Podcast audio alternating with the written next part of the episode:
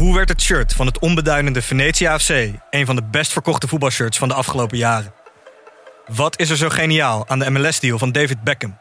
En waarom vinden we het normaal dat jeugdspelers gezien worden als investeringsobjecten? In de podcast Grof Geld onderzoek ik, Sam van Raalte, voetbaljournalist, samen met merkstratege Per van der Brink de macht van geld in de voetbalwereld. Wat gaat er schuil achter de wereld van sport en glamour? En wie profiteert er? Luister naar Grof Geld en hoor hoe de Skybox de staantribune beïnvloedt. Vind je deze podcast leuk? Beluister dan ook de podcast Goudspraak. Ik ben Minkeboy. Als voormalig tophockeyster weet ik hoe Olympisch goud voelt. In de openhartige podcast Goudspraak praat ik met sporticonen die straks in Parijs voor het hoogste podium gaan. Over de weg naar goud. Beluister nu de podcast Goudspraak. Dit programma wordt mede mogelijk gemaakt door Toto. Bovendien, we hebben het wel over een man van 66, hè? Ehm, het, Hallo? het- ik bedoel, Ja, zo, sorry. En? Nou, nee, nee, ja, maar, goed, maar, maar goed, Henk, we zouden toch verrast zijn als jij morgen wordt aangesteld als technisch directeur. Ik zou het leuk vinden. Ja, ik ook, ik ook. There used to be a ballpark where the field was warm and green, and uh, the people played their crazy game with a joy I'd never seen. And uh, the Goeiedag. Dit is eh Hartgras podcast nummer 63. from the hot dog Ehm, ik ben eh, weer terug uit Frankrijk. Suze is hier al eerder geweest. Ivo Victoria ook. Wessel Penning is hier ook al eerder geweest dit seizoen. Dus ik ben eigenlijk de debutant vandaag. Dat vind ik wel een prettig idee. Ik zal eh, af en toe mijn bril even moeten afzetten. Want eh, dan kan ik lezen mijn aantekeningen die ik hier heb opgeschreven. Want ik had dubbel focus. Dat was nooit een probleem. Maar daar ben ik mee gestopt omdat je de traptreden minder goed ziet met dubbel focus. Dus ik dacht, ik neem weer gewoon eh, voor bijziendheid. Maar nu zit ik de hele dag mijn bril op en af te zetten. Omdat ik wil eh, kunnen lezen wat er dan op een briefje staat of in een boek, noem maar wat. Het is wat. Jij hebt toch ook, eh, jij hebt toch ook eh, laat ik eens een bril opzetten. Ik heb, al, ik heb een bril sinds eh, 2011. Ja, Dat is vooral voor ver. Op een gegeven moment kon ik de borden bij de uitrit pas lezen wanneer ik er al voorbij ja, was. ja, dat heet bijziendheid. Ja. Gek genoeg. Ja, dat zit dat een- heb ik. zit Ja. Een soort tegenspraak in die. eh in Maar die is het niet een soort imago-kwestie ook als eh, schrijver? Nee, eigenlijk niet. Ik, ja, we hadden het er net over. Ik wil eigenlijk graag lenzen. Ik vind mezelf eigenlijk knapper zonder bril. ja, laten we het gewoon zeggen zoals het is. En uiteindelijk, eh, als Maar je... is dat dan iets wat je ook als je in de spiegel kijkt bij jezelf denkt? "S- Shit, maar zonder bril ben ik knapper.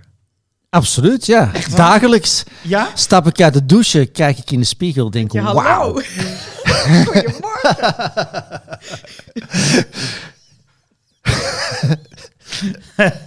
Nou ja, goed. Heeft Henk blijkbaar niet. Hè? Nee, ik heb dat zeker niet. Nee. Wessel? Nou, ik heb, een, ik, ik heb precies hetzelfde probleem als jij, maar ik mis eigenlijk alleen ehm, het gezichtsvermogen in het stadion en in het donker bij autorijden. Ja. Dus ehm, sinds ik eh, de 6-2 Feyenoord-Ajax eh, heb moeten zien zonder bril, heb ik een, eh, heb ik een bril genomen. Dus dat ik beter zie wie scoort. Ik vind eigenlijk die bril alleen noodzakelijk voor tijdens voetbalwedstrijden in het stadion. Anders lijken spelers te veel op elkaar. Ook omdat ze tegenwoordig allemaal dezelfde kleur voetbalschoenen hebben. Van die lelijke gele of oranje. Dus, Nou, dat eh, oculaire probleem is eh, afgehandeld, zo niet opgelost. Eh Suze van Kleef was gisteren bij... Excelsior PSV. precies. En daar heb jij de koning van het weekend gezien. Wel mijn koning van het Jouw weekend. koning van ja, het weekend, zeker. ja. Ja. Xavier Simons. Juist. Dat is toch een hele prettige speler, vind ik. Ja. Vier goals al gemaakt, twee assists. En gisteren vooral die laatste goal die hij maakte, was, vond ik echt genieten. Hij krijgt een bal op het middenveld ingespeeld. Niet helemaal lekker in de loop eigenlijk, maar hij neemt hem buitenkant voet aan en direct op snelheid gaat de 16 in, houdt heel eventjes in, kijkt heel rustig en legt hem zo heel rustig met een, ja, een wippertje bijna in, in de verre hoek. Er zit zoveel voetbal in die 10 seconden. En wat ik ook echt, echt goed aan hem vind, is dat hij, hij vecht ook voor elke bal. Dus voetballend, te gek. Maar inzet, strijd, echt heel erg goed. En Ja. na, na de wedstrijd had hij een interview met eh Philip Koken eh, van de NOS. En die zei, waarom kijk jij de hele tijd zo sip? Want dat, dat was in een groot deel van de wedstrijd zo. Ja, bij de eerste goal. Bij de eerste toen goal had was hij- hij had kwaad. gescoord. schelden gewoon. Ja, hij, ja. Hij, hij was niet eens aan het juichen, dus hij werd inderdaad daarover bevraagd. En ze zeiden, ja, ehm, ik vond gewoon dat ik niet goed speelde in de eerste helft. En daar baalde ik nog steeds van. Ik was veel te slordig, dus ja, ja, daarom juichte ik eigenlijk niet meer. En toen na die goal, toen kwam ik er pas lekker in. Dan denk ik, 19 jaar? ja. En, en hij had gelijk. Ja, Ook, hij had want hij zat niet lekker in de wedstrijd en hij heeft zich echt in die wedstrijd gevochten. Ja, Ja. en dan, dat vind ik toch getuige van een eh, goede instelling waar je wel eh, mee verder kan. Ja, hij viel ook eh, tegen Glasgow fantastisch in. En eh, ik hoop dat hij eh, gewoon de nummer 10 bij PSV wordt. Dan is, eh, heeft Veerman ook zijn plekje terug. Die, eh, die Ja. wilde graag op nummer 8. En dan goed hij eruit. Dat denk ik wel. Ja. Maar ik kan me ook wel voorstellen. Maar goed, ik kom zo nog wel op Veerman. Wessel, wie is jouw koning van het weekend? Nou, van de week. Ik noem het zo omdat de rubriek zo heet. hè? Oké, oké. Nou goed. ik- Koning ik van het vind weekend. dan toch aardig om Giovanni van Bronckhorst te noemen. Ja, Ehm, het is een soort trainer waar we allemaal geen hoogte van krijgen. Behalve dat niemand zo goed in het pak zit als hij. En zo netjes en beschaafd overkomt als hij. Eh, Ik denk wel de netste trainer van, eh, van de wereld misschien wel. Een en al beschaving. geen Simeone. Niet bepaald. Geen Conte. Nee, en na de wedstrijd wint hij, eh, houdt hij heel nadrukkelijk zijn emoties in bedwang. Op het veld in Eindhoven gaat iedereen langs, ook de spelers van PSV, om te troosten. Ehm, het- is een wonderlijk. Hij is bij Feyenoord geweest, heeft een enorme hoeveelheid prijzen gehaald. Twee KNVB-bekers, twee supercups en een kampioenschap, wat met Feyenoord nogal een prestatie is. Het is mij volstrekt niet duidelijk wat zijn kwaliteit is en wat zijn klasse is. Ik was als supporter van Feyenoord ook helemaal niet zo te spreken over hem, over zijn keuzes en dergelijke. Maar die man moet toch iets bijzonders hebben, want het kan niet alleen geluk zijn wat hem steeds overkomt. En dat hij met een veel mindere ploeg als Rangers eh, PSV, met de, de, de PSV uitschakelt en de Champions League haalt. Nou, dat vind ik echt heel knap. En eh, vooral een mysterie eigenlijk, wonderlijk. ja, finale van de Europa Europa League hè? ook dat nog eens, ja. Toch Dus, een paar eh, grote ploegen ook eh, uitgeschakeld. Ja. Zeker. Maar wel tweede geworden naar Celtic. Dat is dan weer niet zo'n goed. eh, Nou ja, in Schotland niet. nee, nee, nee, nee, nee. Maar dit, ja, interessant fenomeen. Kwam, Ja. Was niet in beeld volgens mij als bondscoach. En, en zo wordt, geloof ik, niet heel serieus genomen, heb ik het idee, in tennisland Nederland. Maar ja, kijk eens wat hij presteert. Ja. En eh, het is interessant om te zien wat er gebeurt in groep A eh, tijdens de Champions League. Als hij die ploeg weer zo zeg maar, kan opjutten, dan heeft ook Ajax daar problemen mee. Dat weet ik gewoon zeker. En eh, goed, Liverpool, ja, die misschien niet. Hoewel die ook hun slechte dagen hebben. Zoals vorige week. Maar eh, het, is echt, het is echt leuk om te gaan kijken hoe die het te gaan afbrengen. Ja. Ja. Wie is jouw Ivo Victoria, koning van het weekend? Ik kies voor Charles de Ketelare. Ja. Ehm, het grootste Belgische talent sinds Kevin De Bruyne, zeggen veel mensen. En hij debuteerde eh, in de basis bij AC Milan. Hij is van Brugge, Club Brugge naar AC Milan gegaan. En gaf meteen de assist voor de 1-0. En werd eh, op de voorpagina van de Gazzetta dello Sport eh, tot prins van San Siro direct gekroond. Want zo gaat het natuurlijk in Italië. Eh, maar ik vind dat een hele mooie speler. Eh, een beetje een rare speler eigenlijk. Hij lijkt lang en houterig te zijn, alsof de dingen niet helemaal, de lichaamsdelen niet helemaal in verhouding staan. Maar de manier waarop hij dan ja, als een soort van slangenmens eh, beweegt over het veld. Hij snoepte de bal af van eh Jerry Schouten trouwens. Ja, bij dat doelpunt. Ja. en dan gaf hij de assist. Ja, prachtig. En goed nieuws voor de Rode Duivels. Als hij zou kunnen doorbreken bij Milan, dan, eh, dan hebben we een vervanger voor Ede Hazard, die nooit meer van de bank af zal komen voor de rest van zijn carrière. vrees Maar is hij een aanvallende middenvelder of is hij een voorhoedespeler? Dat is niet duidelijk eigenlijk. Bij Bruggen heeft hij op verschillende posities gespeeld. Op 10 in de spits, eh, vanaf de flank. Eh, dus nu viel hij in als tien. Of was hij basisspeler als tien, volgens mij. Eh, en dat is misschien wel zijn beste positie. Dat zou kunnen betekenen bij de Rode Duivels dat Kevin De Bruyne een linie zakt en meer vanuit de controlepositie gaat spelen. Ja, maar dan krijg je weer Ja. dat probleem dat de Bruine dan met zich gaat laten schuiven. Zoals voortdurend werd gedaan met Hazard. En het is wel de beste speler. Het is de beste speler en waarschijnlijk zal eh, De Bruyne wel gewoon zelf beslissen waar hij staat. Ja, dat denk ik ook. Ik hoop het ook voor België. Ja. Ja. Eh, dan moet ik ook een eh, koning van het weekend noemen. Ik noem eh, Joey Veerman. Van, vanwege, onder andere vanwege het interview. Het meeste vanwege de goal die hij tegen Excelsior maakte, die eerste. Zo. Verbazingwekkend eh, cool, eh, cool kill bijna weer ingeschoten. Zoveel Ehm, ontspanning in die traptechniek, hè? Niet te Ik geloven. bedoel, iedereen die had hem gewoon blind, maar gewoon op de wreef en dan hopen dat hij ergens goed valt.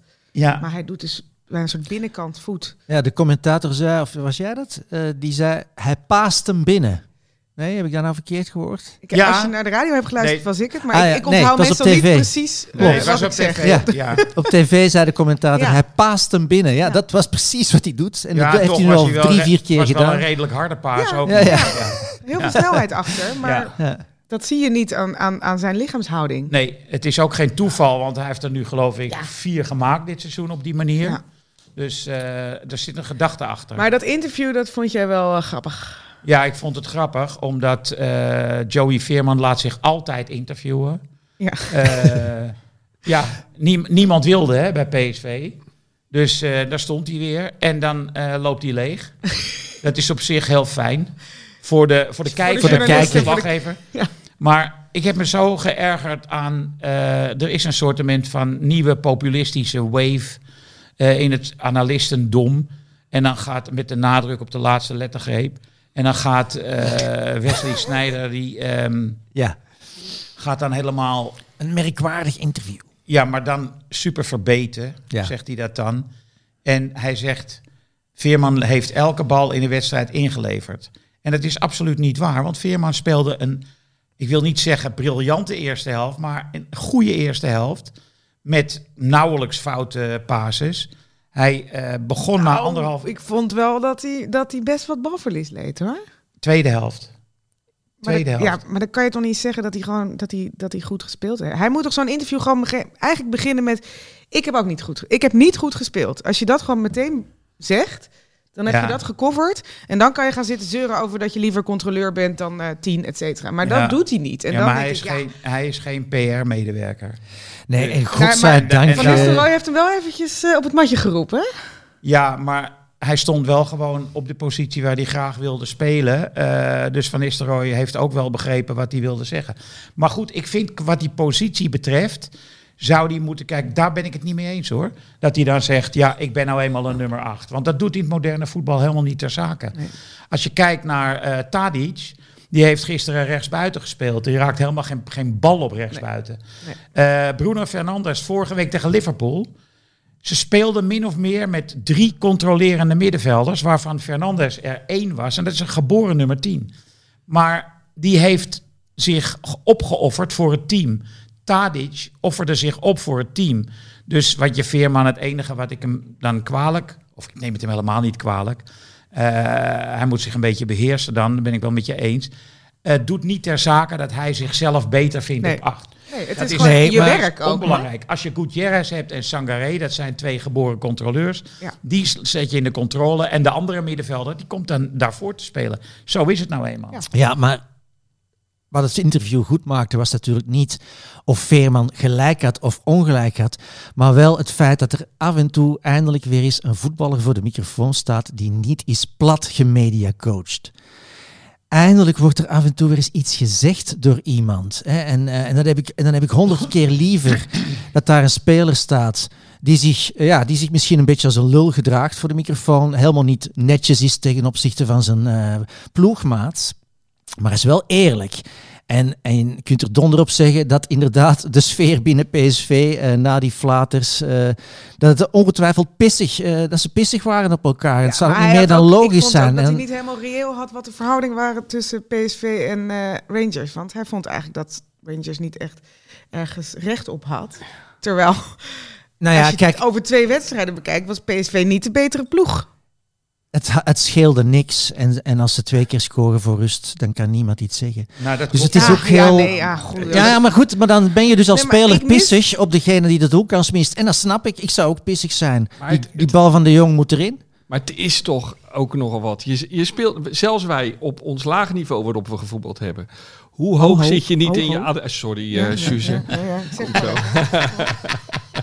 Maar je zit heel hoog in je hartslag, in je Ja. adrenaline. Nee, tuurlijk. Zelfs op het laagste niveau. Dan moet je daar tegenover zo'n verslaggever moet je een verhaal gaan. Ja. Ja, en dat je, dat je dan zulke dingen zegt. Het is, het Nee, is daarom, zo daarom prachtig. vond ik Van Nistelrooy ook wel mooi daarover na de wedstrijd uh, gisteren. Uh, die, die, die werd daarover bevraagd van heb je Veerman nog besproken? En die was daar heel mild over. Die zegt gewoon, ja, ja we hebben daar even over gezeten. En ik heb hem gezegd van uh, je helpt de club niet en je helpt vooral jezelf ook niet.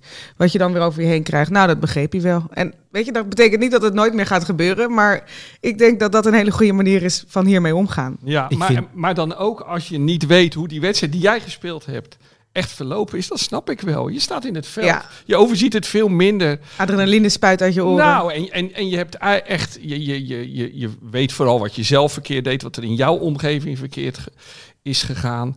Dus je kan het niet verwachten. Kijk, ik, ik, ik vind altijd een heel mooi voorbeeld. Als je direct na de wedstrijd het, het nog niet ziet, Mhm. dat snap ik wel. Maar ik moet altijd denken aan Frank de Boer. Eh, Nederland werd uitgeschakeld eh, voor het WK 2002. In de uitwedstrijd tegen Ierland. Nederland, ja, vrij kansloos verloren die wedstrijd. Roy Keane. Ja. Ja. En ik geloof dat Frank de Boer vrijwel direct na die wedstrijd zei van ja, het is wel zonde. Want we hadden natuurlijk gewoon wereldkampioen kunnen worden. dus je bent, je bent de- ik snap dat wel in, in, in de sfeer waarin hij al jaren zat. Vanaf 95, Ajax won de Champions League. 1998, Nederland haalde de halve finale. Maar je wordt uitgeschakeld door Ierland. En dan, en dan ga je zeggen, ja, dat is wel zonde, want wij hadden wereldkampioen kunnen worden. Dat is heel wonderlijk. Dus, de- maar goed, dat hoort er wel heel erg bij. En het is ook wel echt leuk eigenlijk, denk ik. Ja, maar ik vind de ergernis over Veerman kleiner dan de ergernis. over Wim kieft ook weer van schande, Veerman, dit en dat. En, en zo'n Wesley Maar gisteren bij Studio Voetbal waren ze, helemaal- waren ze, waren ze volgens mij niet zo. Dus, dus, dus het is ook een deel van de analist Ja, die daar dan het- hè, Het de kiften op segment, heeft. En ja. die dan eh, echt, Ja. nou moet niet zo'n grote mond hebben. Allemaal mensen die volgens mij hun eigen carrière ook wel eens een grote mond opzetten. Dus eh, daar zou je misschien ook wat eh, milder naar moeten kijken als je naar je eigen carrière kijkt. Ja. Oké, nou, ik eh, denk niet dat ik erin zal slagen om te lobbyen voor eh, koning van, de, van het weekend eh, Veerman. Nou, maar hij speelde wel goed, hè? Ik bedoel, eh, ja, tegen Excelsior dan. Maar eh, hij speelde een heerlijke wedstrijd, hoor. Ja. Dus, Oh ja, we moeten nog kiezen natuurlijk. Ja, ik zou zelf wel willen praten, want ik heb, ja, ik heb jouw eh, man niet gezien. Jouw koning heb ik gemist, maar ik heb wel eh, Simons gezien. Dus Ja. ik sluit me aan bij Suze. Daar wil ik ook wel in meegaan, absoluut. Wessel wil hem in oranje zien. Dus, eh, nou ja, heeft- oh, ik vind ook Veerman en Simons, dat zijn alle twee rasvoetballers. Ja, ja, en absoluut. dat maakt het zo ja, mooi. Je, balbehandeling. wat het bij hun is, prettig. kijk, het belangrijkste in voetbal vind ik eigenlijk altijd aanname. Ja. En bij hun, die, die hoeven daar niet eens over na te denken. Dus ze zijn dan al veel verder. Dus ze hebben alle tijd om na te denken over wat ze met de bal gaan doen. En daar zijn ze ook al voor. Dus dat zijn twee fantastische voetballers Ja. gewoon. En, en je moet er zoveel mogelijk van dat soort spelers hebben. Ja, want ik, ik hou erover op hoor. Maar eh, na anderhalf minuut tegen de Rangers nam Veerman een bal aan op de middenlijn. Onvoorstelbaar Ja. qua, qua technisch eh, kunnen. En hij dribbelde meteen door en gaf een goede paas op Max. Ik denk zo, die gaat een wedstrijd spelen. Oké, in de tweede helft viel dat dus tegen. Maar enfin, genoeg over Veerman. Ehm, eh, Ajax, eh, Utrecht, Utrecht Ajax stond ook op het programma. Ehm Tadic offerde zich op op, op rechtsbuiten. Of hij werd gewoon op rechtsbuiten gezet. Ja, maar hij heeft niet toen gezegd, dat doe ik niet. Nee. Wat, toch altijd nog, nog een mogelijkheid is. Schijnt te zijn, ja. Ja, bij eh, iemand van wie alle verslaggevers zeggen de trotse Serviër. Eh, maar hij schikte zich in zijn lot en verloor, geloof ik, 30 keer de bal. Maar wordt dan niet gewisseld. nee. Dat is toch dan Dat ook kan dan blijkbaar Op een niet, gegeven moment Nee. gaat daar toch in die hiërarchie van dat team ook wat wringen op als Zeker. je zoveel balverlies Zeker. hebt. Nee, hij had gewisseld moeten worden. Ja, Gisteravond wisselde Galtier, wisselde Messi, hè? Ja. En ik denk niet dat dat heel veel gebeurd is in de carrière van Messi. Hij keek ook niet super... eh, Maar ik denk dat Messi ook nooit naar de zijlijn kijkt van zal ik het zijn? Ik bedoel, daar ga je gewoon niet vanuit. ik denk dat ze zijn naam hebben moeten roepen. Jij bent het. Maar eh, ja, eh, wat gaan ze dan doen nu Anthony eh, weggaat? Want dat gaat gebeuren. Ja. Ziyech zou te gek zijn natuurlijk. Oh, dat zou mooi zijn. Maar ik, ik, ik hoor dan mensen zeggen van nou, dan is het, heeft het, het probleem, het luxe probleem zichzelf opgelost. En dan denk ik, ja, maar als Ajax wil je toch een luxe probleem hebben. Als je structureel wil aanhaken bij de Europese top, dan moet je toch vier spelers voor drie posities, vier topspelers voor drie Ja. posities hebben. Maar is dat de positie waar ze dan het straks bezet zijn? Want ik, ik denk, ik zou als ik Ajax was eerder denken van zo, met Kenneth Taylor de Champions League in. Ja, maar je hebt Misschien Klaassen kan daar iets, iets meer, eh. Je hebt Klaassen nog? ja. Ja, ik vind Telen eh, echt een geweldige speler. Ja, ik hoor. ook. Echt, eh, Hij is heel jong, echt, eh, komt net kijken. Je mist daar toch wel, eh, je hebt daar geen Gravenberg meer, geen Mazraoui, die vanaf rechts zijn komen. Ik vind ze daar eigenlijk het meest verzwakt. Maar ik vind Taylor heel goed spelen tot nu toe. Dus ik vind, ik vind dat eigenlijk helemaal geen Oké, verzwakking. eh, ik eh, vind hem ik eerlijk vergeleken met Gravenberg, die enorm wisselvallig Ja. seizoen heeft gehad. Veel steadier. Ja, hij is Zuiniger. hij- ja, dat vind ik ook. En hij eh, is fysiek gewoon eh, beter. Dus hij verdedigt beter mee. Gravenberg liet gewoon met grote regelmaat zijn man lopen. Eh, dat doet Taylor niet hoor. Eh, en dus ik denk, ja, ook Campos las ik. Dat daar, eh, er is zo'n twitteraar, hoe heet die? Gerjan Hu- Ham- Amstelaar? Hamstelaar of zoiets. Een twitteraar die weet gewoon alles. En die, en die noemde die naam Ocampos van, van Sevilla. En dat is echt wel een goede speler. Maar ja, die, stel, die speelt daar, dacht ik wel, vaak rechts, eh, linksbuiten. Dus eh, of dat dan het probleem... Maar goed, het allerbeste is Sier. Maar niet als hij 40 miljoen kost. Nee, nee, dat kan niet. Dat bestaat niet. Nou ja, en het gaat ook vooral misschien ook wel ook nog over het salaris wat hij Nou ja, ze willen dus huren, dat wil Ziyech niet.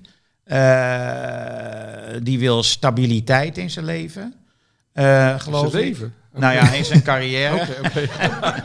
Ik, heb, ik, ik, hoor, het hoor je zelden dat voetballers stabiliteit in hun leven willen, maar dus... eh, Nee, even zijpad. Hebben jullie het gevolgd van Pogba? ongelooflijk, hè? Ja. toch? Ik Niet? weet, ik, ik- jawel, ik zit met smart te wachten op de onthullingen die de broer van Pogba Ah, ja. ons Ja, dat beloofd zullen dan wel heeft. sekstapes zijn, toch? Neem Nee, ik maar aan, die is zo? verdachte. Hè? En is Die- dat erg? Die broer Nee, is- maar, ja, ik, Nee. Zou, ik zou het niet prettig vinden. Maar, nee, maar goed, het, zijn, het zou, het zouden Ja, ja. tapes zijn die mensen, hè, de wereld zouden chockeren en Ja. die spon- sponsors en fans zouden Ja. hè, bevragen. Dus het zouden dan sekstapes zijn met mensen die daar misschien niet aan meegewerkt hebben. Dan. Zo. Oh, zo. Precies, ja, ja, en ja, momenteel... eh, een, een gewone sekstape. Nee, nee, ik snap hè, het. Ja, je hebt ja, momenteel ja. ook dat proces lopen tegen Mandy. Die dus eh, dames meenam naar zijn villa Nou ja. eh, Ja. en daar in een kamer opsloot, eh et cetera. Ja. Dus het, het ruikt naar die... eh, maar die Ja, maar, maar toch niet alleen omdat die broer dat zegt, want het is een verdachte, hè? Die broer die wordt Ja. mede verdacht van Ja. het afpersen, Afpersen van, van. eh, Ja. van Ja. eh, ja. Pogba. Maar ik vond ook heel eng dat hij is op bezoek. Het was in maart. Frankrijk speelde vriendschappelijk. Eh, en toen kwam, ging hij zijn ouders opzoeken in die banlieue. En toen kwamen zijn vrienden langs. En die hebben hem meegenomen naar een, flat, naar een flatje. En onder andere zijn broer. En daar hebben ze gezegd, eh, ja, jij geeft niet meer om ons. Je steunt ons te weinig. Je steunt ons te weinig. Terwijl we je altijd in, op de achtergrond beschermd hebben. Zoiets is het ook. ja, dat heb jij nooit gemerkt. Maar, Maar- wij hebben voor je Ja, bescherming we hebben een soort- gezorgd. Ja, het is een mafie- mafioze... Dus maffia binnen je familie. Ja, Nou ja, dat gaat, uiteindelijk gaat het natuurlijk weer over het onderwerp dat, dat de, de onderwereld eh infiltreert. Greep in, krijgt in, in- op de voetballers. ja, Steeds op meer. jongens die een heleboel geld te besteden hebben. En jongens die komen uit een bepaalde omgeving waarin hè, de helft het verkeerde pad op gaat. Dan zijn het toch je vrienden van vroeger waar je misschien nog een soort... eh, ja, ik ga, ik ga wel eventjes langs bij hem of whatever. Ja. Hè. Je hebt een bepaalde loyaliteit eh, te- tegen waar je vandaan komt. Ja. Over georganiseerde misdaad gesproken, hebben we nog iets gehoord over Ihataren de laatste tijd. Nee. Nee, Nee, hè? nee, nee. Maar eh, Pogba die had, eh, er was- kwam wel ook nog naar buiten dat hij ehm, Eén keer had hij zo'n vriend dan in Manchester uitgenodigd. En die was vertrokken met medeneming van een eh creditcard. Leeggetrokken voor 200 ton had hij 200 200.000 eh, euro. pond. en ik dacht ook nog een Rolex eh, eh, toe. Dus eh, Ai, ai, ai. ja. Ja, Schreuder zei het nog dit weekend. Hè. Het voetbal draait tegenwoordig alleen nog maar om geld. ja. Ja, ik Op vond het ook wel een opmerkelijk interview. eh, dat, wat Wat een rare, gaf over, ja, eh, naïeve ja, hij sprong echt uit eigenlijk. zijn vel. Ja, Ja. Ongelooflijk. Hij had gewoon, nou niet echt verhulde kritiek, maar gewoon kritiek op zijn eigen Technische, hè, technische, technische hart, directie. of hoe we dat ook Ja, noemen, algemeen ja, directeur. ja. Toch? Nee, maar hij eh, ging er natuurlijk vanuit. Ze hebben hem ongetwijfeld gezegd: we verkopen Anthony niet. Niet. Ja. Ik denk dat ze hem Dat gewoon nee. hebben beloofd. Ja. Maar ja, Dan haalt de realiteit je in. 100 miljoen. 100 miljoen. Ik bedoel, eh, hoe? 100 miljoen. Ja. Dus ik kan me wel voorstellen dat hij kwaad is eh, dat Anthony vertrekt. Maar hij moet zich toch ook wel neerleggen bij 100 miljoen. 100 miljoen. Dat, dat, ja. Ik denk niet dat hij het waard is. Nee, Minder rendement dan Gakpo en Ja. Sinisterra. Hè, vorig Ja. jaar. Veel minder rendement. zeker. Zeker. Alleen in de Champions League was hij natuurlijk Nou ja, fantastisch. En iets meer zichtbare aanleg. Voor zover, je kan, hoeft niet alles Ja. met data te, Nee, te maar als je een highlight video maakt, hè, dan denk je, die Ja. koop ik. Ja. Natuurlijk. Absoluut. En het is natuurlijk, Ja, zelfs wanneer hij geen assists of doelpunts, eh, doelpunten scoort, dan is het wel een speler die een tegenstander uit evenwicht brengt. Hè, uit, uit desoriënteert eigenlijk Oh, komt door die weer, acties. Dan komt komt hij hij weer, weer. iedereen in altijd, paniek. altijd dubbele dekking natuurlijk. Precies, ja. Die- die- je bent gewoon weg anders. Ja. Maar goed, dan wordt 100 er miljoen. voorbije weken gezegd, Gakpo, Gakpo maakt het niet waar. Eh, Gakpo krijgt ook altijd dubbele dekking. En ik, heb, ik zat er naar te kijken. eh, hij heeft dus op zeven wedstrijden met inzet dit seizoen vier keer gescoord en zes assists gegeven. Dat is toch niet slecht voor een speler uit vorm. ja. Want dat zegt dan iedereen.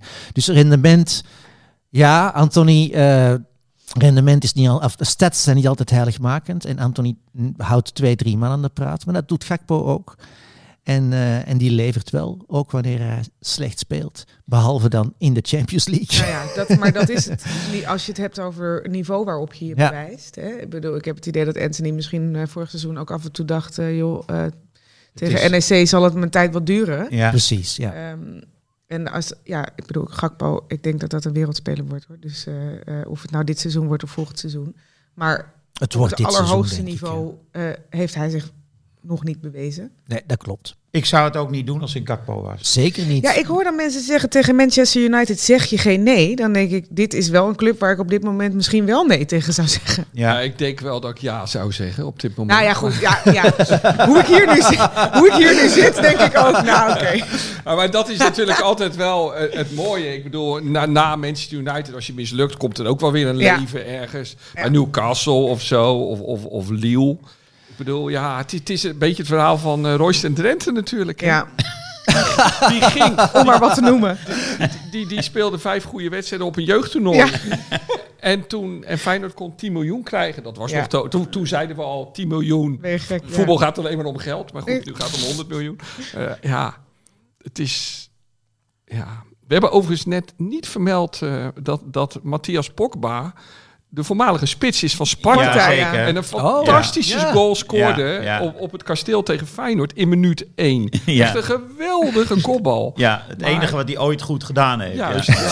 maar, maar wat heeft hij, Matthias Pogba, dat is echt wat uitzoeken waard, in die maanden in Rotterdam uitgespookt. Ja. Dat zou ook niet zijn dat hij gezellig met zijn kinderen naar de diergaarden ging of zo. Wat is dat voor een type? Dat is wel Ja. een, een, een verhaal om een paar onderzoeksjournalisten op te zetten. Matthias Pogba in Rotterdam, zijn Rotterdamse maanden.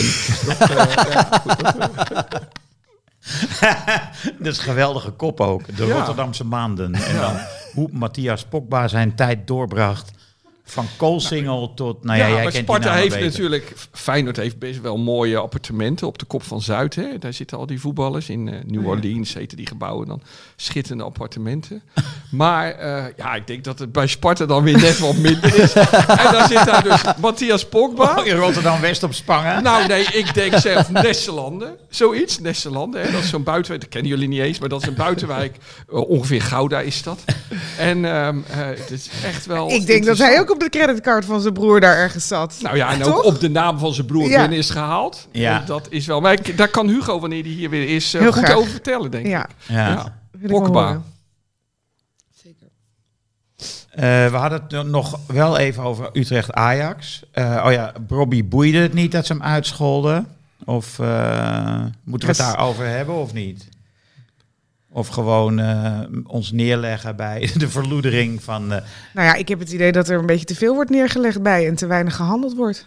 Ja, dat is zeker een Houd feit. toch op, joh. Gewoon meteen klaar. Afgelopen van het veld. Maar ik geloof dat ze die, eh, die vuurwerkbomgooier hebben gearresteerd. Ja, maar dan gaat het dus weer over vuurwerkbom en over Nee, eh, eh, je met bedoelt dingen gooien. ook Maar racisme. racisme, En je hebt Dat- zo beeld, gewoon allemaal stadionverbod, wedstrijd stilleggen voor festscoren voor Ja. Ajax en klaar.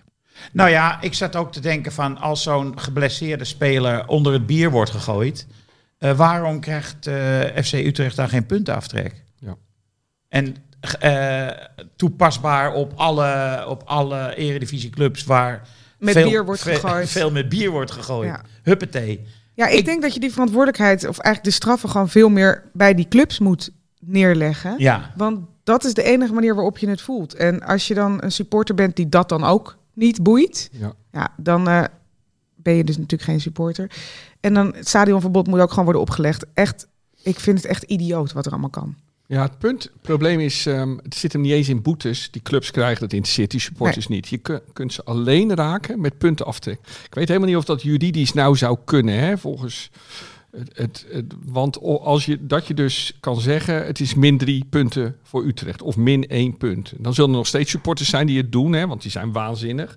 Maar dan ga je in ieder geval wel meer sociale controle Ja. krijgen.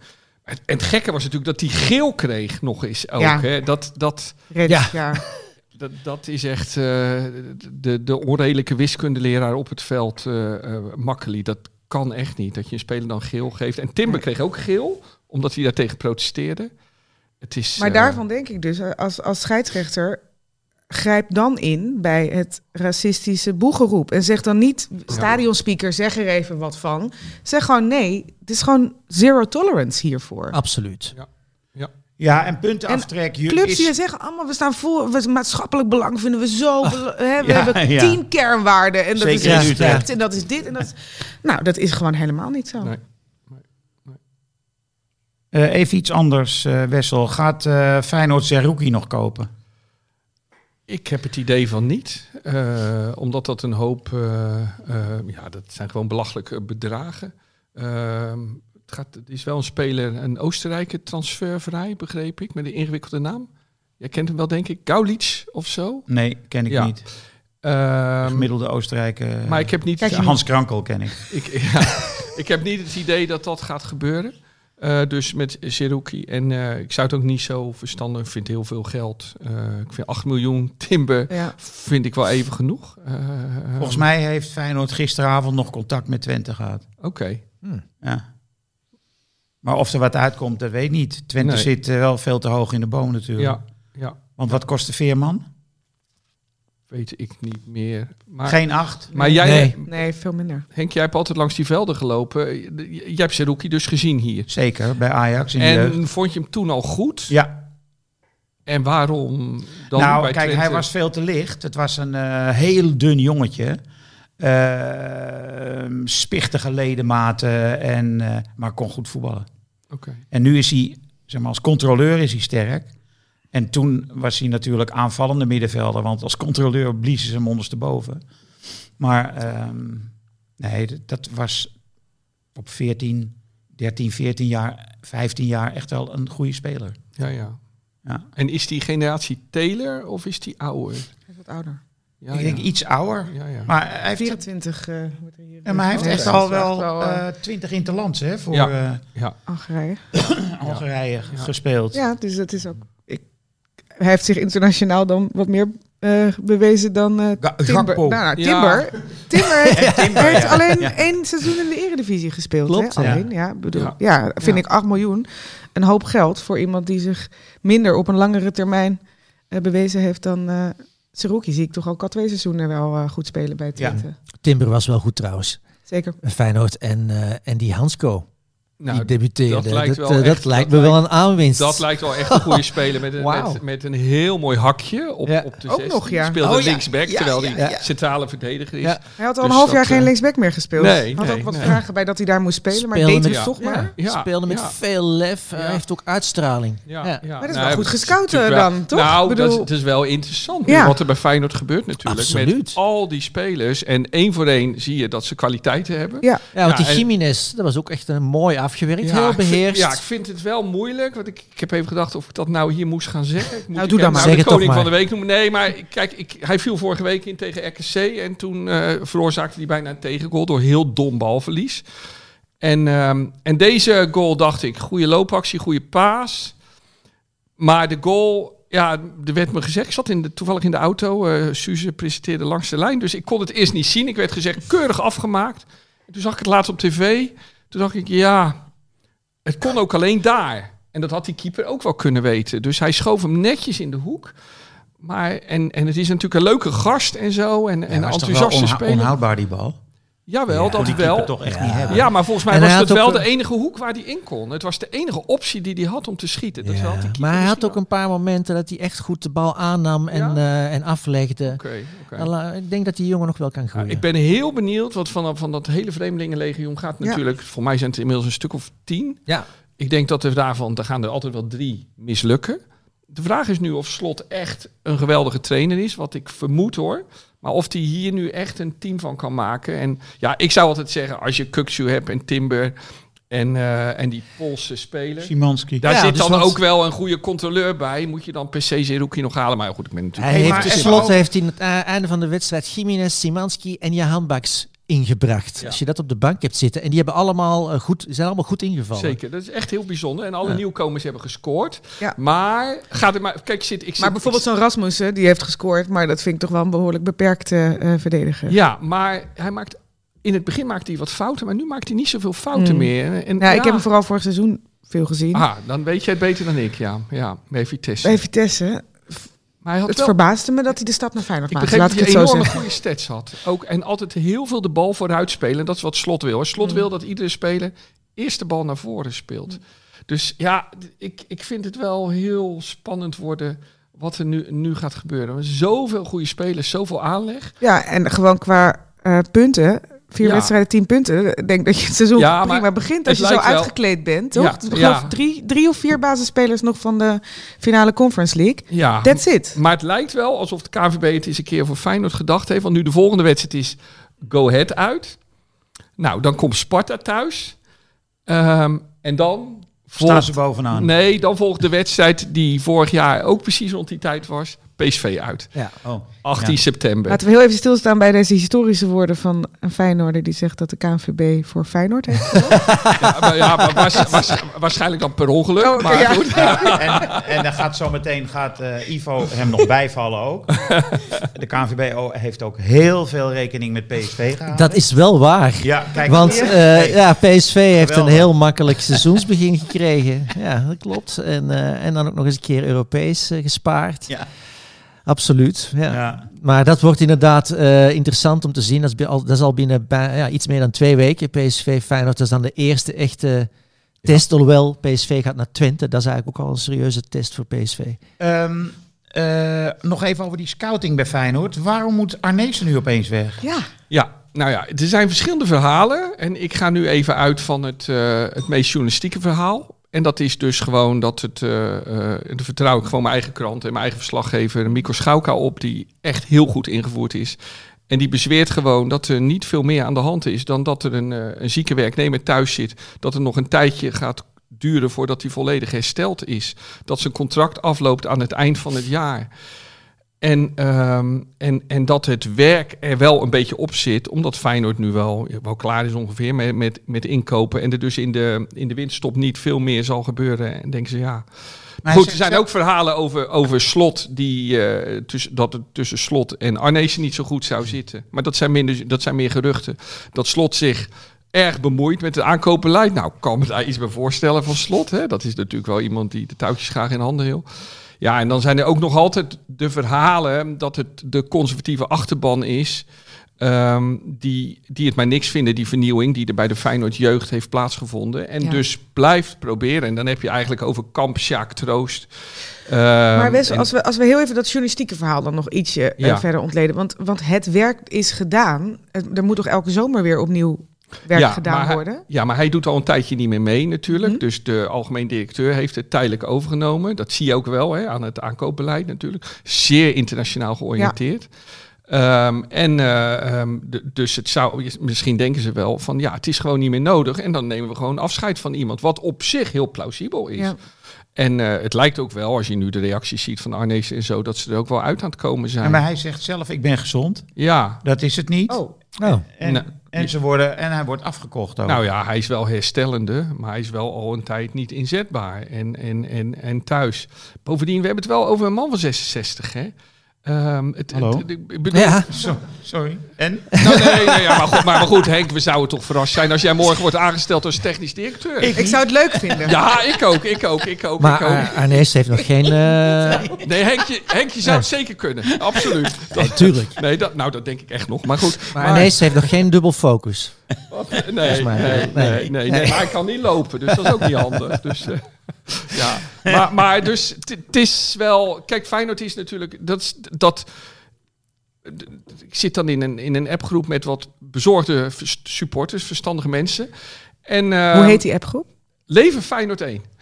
Mooi. Met eh, de, de, de, de, foto, de foto is van de Koolsingel 1970. Maar daar zitten we Wat met is daar gebeurd toen? Eh, een klein Europa Cupje. Oh eerste keer. was- Eerste ooit, weet je wel, eerste zoiets. ooit. Ja. Eh, Israël. Dus dat, eh, dat ja. Over Chintvol. Ja, maar dus, dus eh, eh, de, de, bij Feyenoord zit altijd binnen een, een, een groep oude jongens krentenbrood, ons kent ons, waardoor er heel lang vernieuwing in de jeugdopleiding is weggebleven. Onder leiding van Wim Jansen. Ja. Juist, en dat is nu veranderd door Arnezen, dus die heeft veel vijanden gemaakt. Oh, dus ja. let maar op wat er de komende weken gaat gebeuren. Dan gaat er een bepaald kamp, eh, dat altijd naar buiten komt via een bepaalde Amsterdamse krant, hè, de Telegraaf, gaat roepen van... eh, Van de dat, kraan. Ja, tuurlijk. eh, dat Arnees, eh, eh, eh, eh, dat Arnees weg moest en dat hij niet gepruimd wordt. Mm. Dan gaan ze misschien nog proberen Robin van Persie voor te gebruiken, ook nog eens. Om dan al die vernieuwing die bij Feyenoord nu gaande is... En, want Ja, maar Robin is deel van die vernieuwing. ja, dat hoop ik dus maar. Dat hoop Maar ik jij dus zegt dus eigenlijk van... Hè, Arnezen, goed gedaan. Dankjewel. Oké, beslissing. Gewoon een, een zakelijke beslissing van Feyenoord. en niets dat, meer. Dat is het scenario waar ik op dit moment van uitga. Maar het is, hij heeft ongelooflijk veel bereikt. Het is Ja. echt veel veranderd. Feyenoord is altijd een amateurclub Ja, geweest. ze hebben slot aangetrokken. Ja, en, maar er is ook geen reden te bedenken waardoor Feyenoord dat en zo al, al, al 20 jaar, 30 jaar een achterstand heeft op, op PSV en Ajax. Dat heeft dus alleen met beleid te maken. Absoluut. Dat geen enkele andere reden te bedenken. Dus Nee, want alle, hè, alle randvoorwaarden zijn er Zijn om, aanwezig. om een grote club te Ja, zijn. maar als je dus geen goed beleid heeft. En nu voor het eerst sinds een jaar heeft Feyenoord beleid. Hè? En, en, en, en is er echt in de jeugdopleiding, die is volledig geprofessionaliseerd. Ik zeg steeds tegen Henk, kom nou weer eens naar Varkenoord. Want je weet niet wat je ziet. Gewoon. De Feyenoord is een moderne voetbalclub aan het. Zaterdag over een week is volgens mij... Of nee, maandag, vandaag over twee weken is volgens mij... Feyenoord onder 16, Ajax onder Oh, dan 16. wil je wel. Nee, Ja, als, er, als er maar iets met Ajax is, dan komt hij ja, wel. maar Henk kwam altijd wel graag dan moet, bij dan die moeten we keertje, Dat- dan moeten we een keertje gaan. Lijkt me Ja. leuk, toch? Ik, eh, leuk. ik, ko- koesterde zaterdag met Henk dat, ik, dat de Henk me Nouri heeft laten zien. Kijk. Ik denk dat Nouri toen 14 was of zo nog. En toen zei Raakte Henk geen, al... raakte geen pepernoot. Nee, nee, die wedstrijd niet. Over lichte spelers eh, gesproken die op die leeftijd ja, maar ik weet nog dat Henk toen zei dat Frank de Boer had gezegd... exceptioneel talent, Ja. En dat was hij natuurlijk aan de bal ook Ja. heel, heel erg. Absoluut. Maar goed, dus waar wij nu als supporters bezorgd over zijn, is dat die oude garde eh, eh, weer terug gaat slaan. Ja. Ik denk dat ze vrij kansloos zijn, want er is te veel gebeurd, er is te veel bereikt.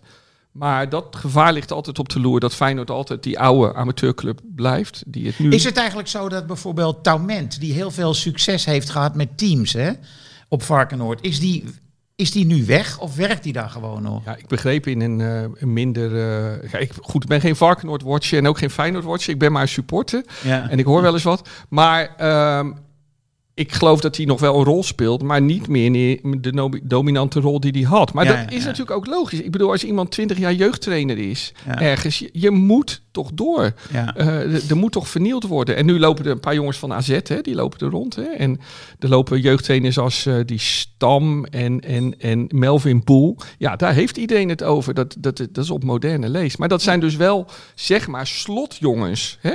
Ehm, dus verstandige mensen bij Feyenoord, jongens, die hebben er jarenlang... Meten is niet- weten. Ze, Klopt. En, ze- en ja. ook goed over, na, over nagedacht. En dan in combinatie met, met die mooie cultuur van, van een echte volksclub... kan dat natuurlijk wat worden. Ja. En nee, heeft het al natuurlijk veel te lang geduurd allemaal. Eh, we hadden het net even over eh, Twente PSV. Ja, Dat, eh, dat ehm, kijk jij met angst en beven naar uit natuurlijk.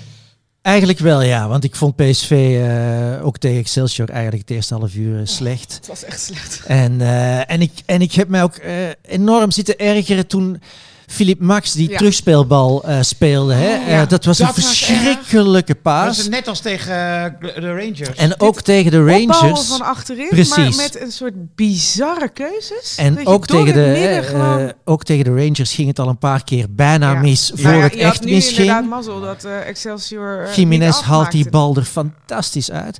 Maar wat mij opvalt in al die situaties Benitez. eigenlijk is... eh Benitez, sorry. Ja.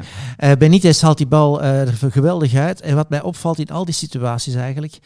ehm, is dat niemand zich kwaad maakt. Nee, Er is geen patroon achterin. Ook de keeper niet, Benitez. nee. Eh, die toch echt, ik zou woedend nou, hij zijn. scheldt ze wel uit. Nou, dat, dat viel me nee. wel op. Nee.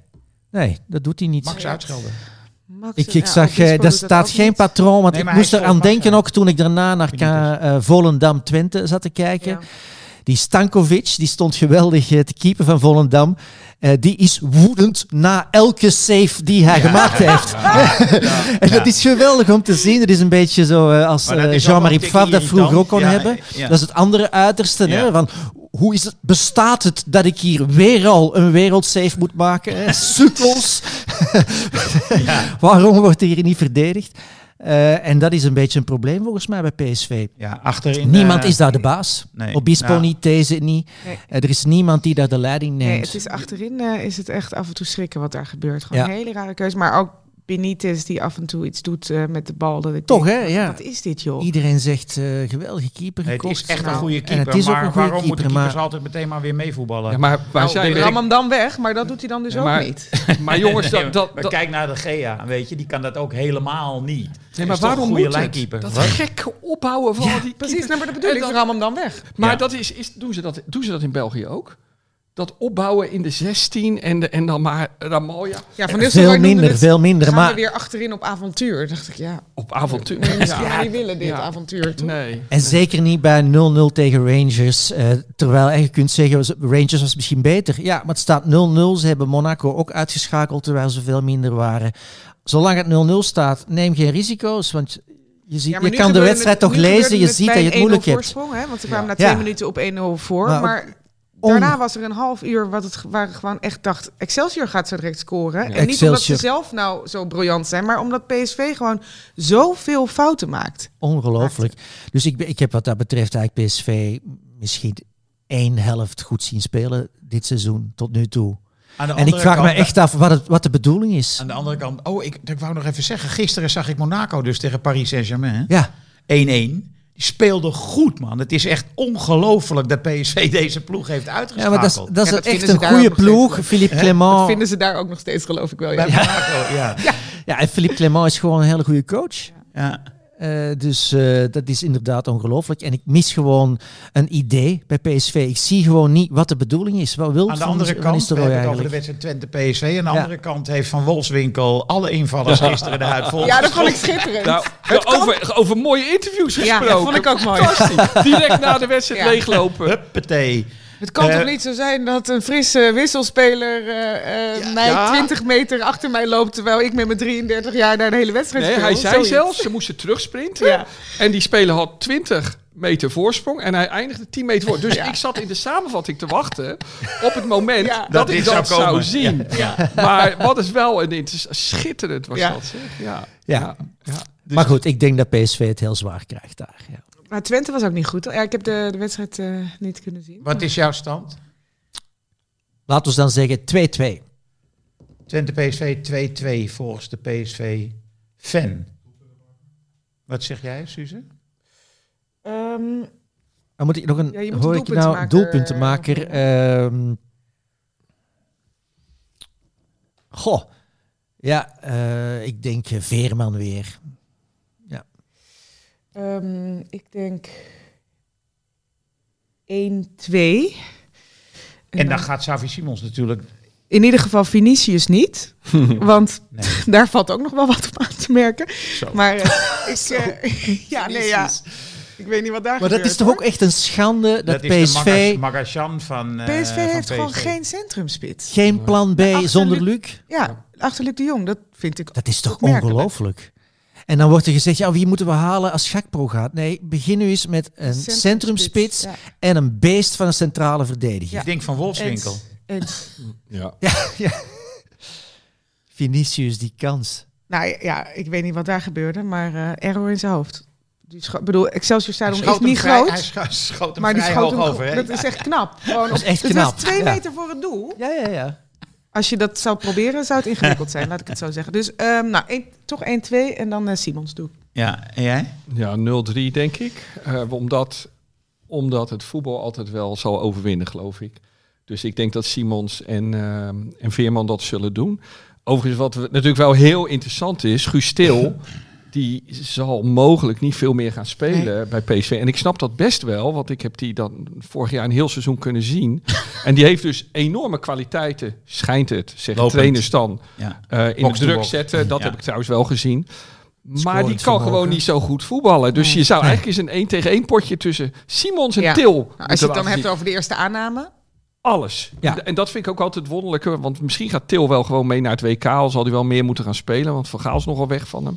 Maar die kan eigenlijk gewoon niet zo goed voetballen. Nee, maar hij schiet er elk seizoen 15 in. Nou, dat heeft hij vorig jaar gedaan bij Feyenoord. En dat heeft hij gedaan Bij AZ. Ja, AZ. bij AZ. Ja. Maar dat heeft hij niet gedaan bij Moskou. En ook niet bij Freiburg. Dus Nee, maar dat was misschien een niveau te hoog of een competitieniveau te hoog. ja. Eh, maar ik ja. denk dat Til nog wel eh, zijn minuten zal krijgen met het speelschema van, eh, van Ja. PSV. En dan gaat hij echt wel, gaat hij wel scoren. Misschien is dat wel de centrumspits eh ter vervanging van Luc de Jong. Want als je eh, in principe, hij miste gisteren wel een kans. eh, maar in principe scoort hij heel makkelijk. En heel PSV scoort makkelijk, hè, om even positief punt te benoemen. Eh, er zijn Behalve heel veel Vinicius. spelers eh, die scoren, behalve Vinicius. Ja. Overigens wordt het misschien wel de eerste wedstrijd zonder Gakpo, hè, natuurlijk. Ook nog eens. Ja, Ja, ja, ja, Dus ja, dat, eh, Ik zat trouwens nog na te denken over de vervanging van Gakpo. Kijk, PSV heeft natuurlijk in het verleden bewezen om wel eens een stuntje te kunnen realiseren met behulp van het netwerk van de hoofdtrainer, hè, Guts eh, via Schmid. Ik zat te denken, Ruud van Nistelrooy, als die nu eens een keer naar Real Madrid belt en zegt, nee, wij huren Hazard. We huren Hazard voor een seizoen van Real Madrid op links. Hij kan het niveau echt nog wel aan in de eredivisie. nou dat denk ik. Wij gaan allemaal genieten. PSV wordt kampioen. België wordt wereldkampioen. Iedereen wint. Ik, dit is iets heel anders dan de El Ghazi. eh, Ja, maar dit, Zo, want- dit voelt ook hoor. een beetje als Burak Yilmaz. ja, ja, ja. Ja.